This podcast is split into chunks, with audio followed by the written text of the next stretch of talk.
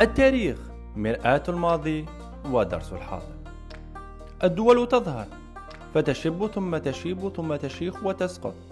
هذه دورة الحضارة. نتعلم منها أسباب النهوض وأسباب السقوط. لنتخذ أسباب النهوض أساسا لحياتنا ونتفادى عوامل الضعف والركود. أنا بشير وهذا بودكاست. تعلم.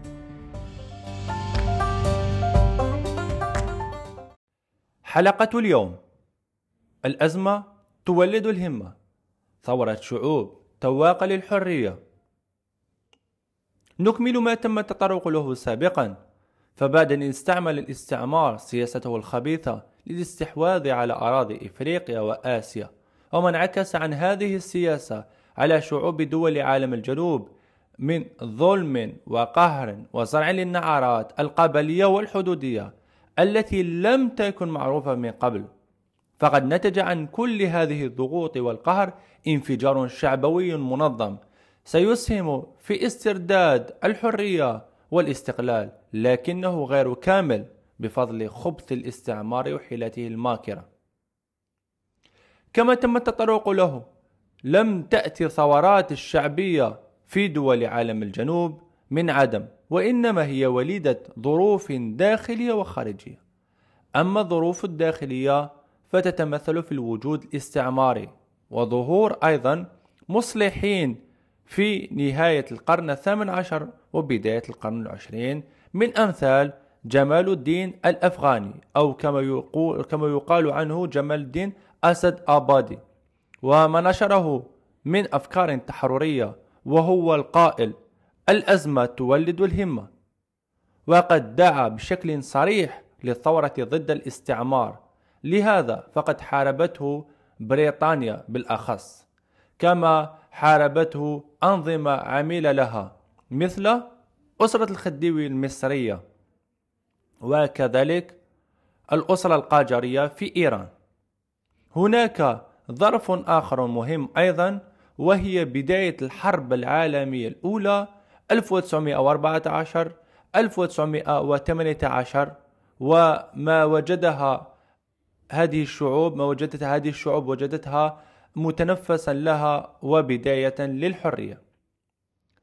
أما الظروف الخارجية فتتمثل أولا في ظهور الثورة البلشوفية سنة 1917 في روسيا ومشروعها الجديد المنفصل عن الغرب كلية والمتمثل في دعم حركات التحرر ومحاربة المنظم ومحاربة الإمبريالية الاستعمارية أي الغرب. وظهور أيضا منظمات دولية تدعي حماية حقوق الإنسان مثل عصبة الأمم وبعدها هيئة الأمم المتحدة المعروفة حاليا والتي جاءت بأفكار منها ما ما أقره الرئيس ويلسون في سنة 1919 في بنوده الأربعة عشر وهي حق الشعوب في تقرير مصيرها. لقد كان للمقاومة عد أساليب عدة ومتنوعة نجملها في عامل وهو القهر والاستبداد المسلط من قبل الاستعمار الغاشم.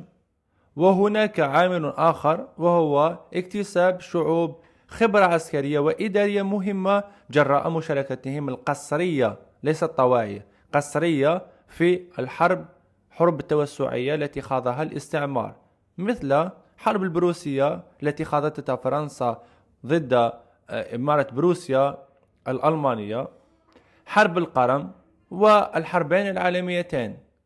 وهناك عامل مهم آخر وهو ظهور وسائل الإعلام للتعبير عن مواقف الشعوب من الاستعمار والتعبئة الشعبية للقيام بالثورة ووسائل الإعلام في تلك الفترة هي غالبيته مكتوبة أو سمعية عن طريق الراديو.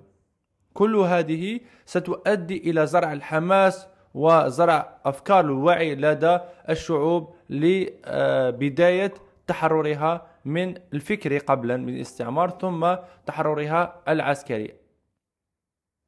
والآن بعدما ذكرت الظروف والأسباب سأعرج إلى مبادئ المشتركة التي ميزت جل حركة التحرر في إفريقيا وآسيا منها. لدينا أولا الحقد المشترك ضد الاستعمار ورفض وجوده. لدينا أيضا تنوع وسائل وأساليب الكفاح التحرري من سياسية وثقافية وعسكرية وغيرها من الأساليب أيضا التزامن التاريخي لها وتبادل التأثير والتأثر بينها. وعرف العصر العصر التاسع عشر القرن التاسع عشر عرف بعصر الثورات في عالم الجنوب عصر بداية الاسترداد الحرية لدينا أيضا تعدد الأطراف التي حاربتها. الشعوب المستعمرة لم تحارب فقط الاستعمار وإنما أيضا حاربت الأنظمة العاملة كما ذكرنا سابقا نظام الأسرة الخديوي في مصر. وكذلك نجد في كوبا آه، حينما قام فيدل كاسترو وتشي جيفارا بثوراتهم ضد نظام باتيستا العامل لأمريكا. تركيزه على الكفاح السلمي السياسي بين الحربين العالميتين أي الحرب العالمية الأولى وبداية الحرب العالمية الثانية. لكن مع نهاية الحرب العالمية الثانية ستنتهج أسلوبا آخر وهو الأسلوب العسكري محض ومعه أيضا آه، السياسي. لكن غالبيته أسلوبا عسكريا. أما الأهداف المشتركة لحركات التحرر في المنطقة فترتكز على أولا طرد الاستعمار الاحتلال من أراضي وتحقيق السيادة لا شيء إلا السيادة بالإضافة للتعاون المشترك فيما بينها أي بين دول المستعمرة لأن هدفهم مشكلتهم واحدة. وقد آه، التأمت دول إفريقيا وآسيا واستطاعت أن تحقق تعاونا فيما بينها في مؤتمر باندونغ في 24 أبريل 1955 ميلادية وقد توجت هذه هذا التعاون بخلق منظمة سياسية رسمية تم تضم دول المستقلة حديثا وسميت باسم حركة عدم الانحياز التي تأسست ببلغراد سنة 1961 في بداية سبتمبر. والآن سنعرج إلى الأساليب التي انتهجتها حركة التحرر وقد مزجت بين أسلوبين بارزين منها الكفاح العسكري المسلح والكفاح السلمي السياسي والثقافي. فقد اعتمد أحمد عرابي في مصر أنموذج الكفاح العسكري ضد النظام العميل لأسرة المصري أسرة الخديوي أسرة الخديوي وبالأخص حاكمها خديوي توفيق سنة 1881 وهي مقاومة شعبية رسمية لأن أحمد عرابي كان في تلك الفترة يمثل وزير الحربية لمصر. وقد آمن الشعب بمشروعه وقاد ثورة معه. وهناك أيضا عبد الكريم الخطابي في المغرب الأقصى حيث اعتمد على أسلوب المقاومة الشعبية المنظمة ضد الاستعمار الفرنسي والإسباني. وانطلقت ثورته من منطقة الريف. أما الكفاح السياسي فنجد أن جل الحركات اعتمدت على الأسلوب السياسي منها الأحزاب السياسية كحزب الوطني التونسي بقيادة بورقيبة. وهناك أسلوب المظاهرات والعصيان المدني كالذي جاء به المهاتما غاندي في الهند باسم ثورة اللاعنف وكذلك هناك أسلوب مقاطعة المنتجات الاقتصادية وأيضا إنشاء المجلات والجرائد بهدف التعبئة العامة للشعب بإقامة أيضا ملتقيات عامة مثلا جمعية علماء المسلمين الجزائريين حينما كانت آه، تقيم التجمعات لكن أيضا كانت تدرس لترسخ في أذهان نشأ الغد بأن ضرورة التحرر واجب وضرورة التحرر الفكري أيضا واجب والتمسك بالهوية الوطنية الجزائرية